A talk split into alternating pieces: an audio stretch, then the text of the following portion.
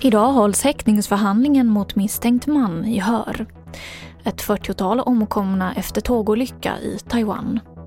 Och regionerna får själva bestämma vilka som ska vaccineras först i fas 4.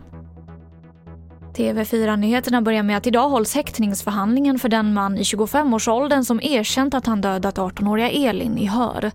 Mannen begärdes häktad igår på sannolika skäl misstänkt för mord.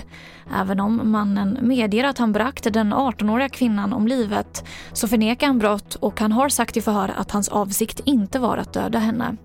Klockan 14 i eftermiddag så hålls häktningsförhandlingen i Lunds tingsrätt och se den på tv4.se. Regionerna själva får bestämma vilka som ska vaccineras först i fas 4. Detta rapporterar SR om. Och det här innebär att vissa personer i 20-årsåldern kommer på vissa håll i landet att vaccineras samtidigt som de som snart fyller 60. Medan man på andra håll kommer fortsätta att prioritera de äldre.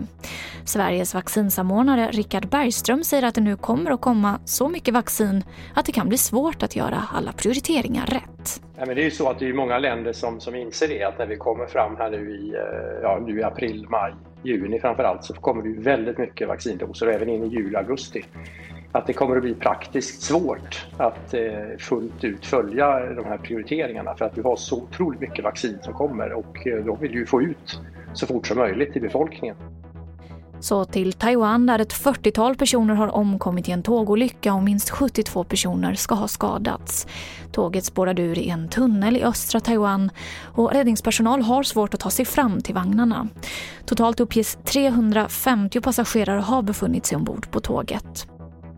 Och till sist kan jag berätta att Svenska kyrkan håller sina telefon och chattlinjer öppet dygnet runt under hela påsken, enligt SR.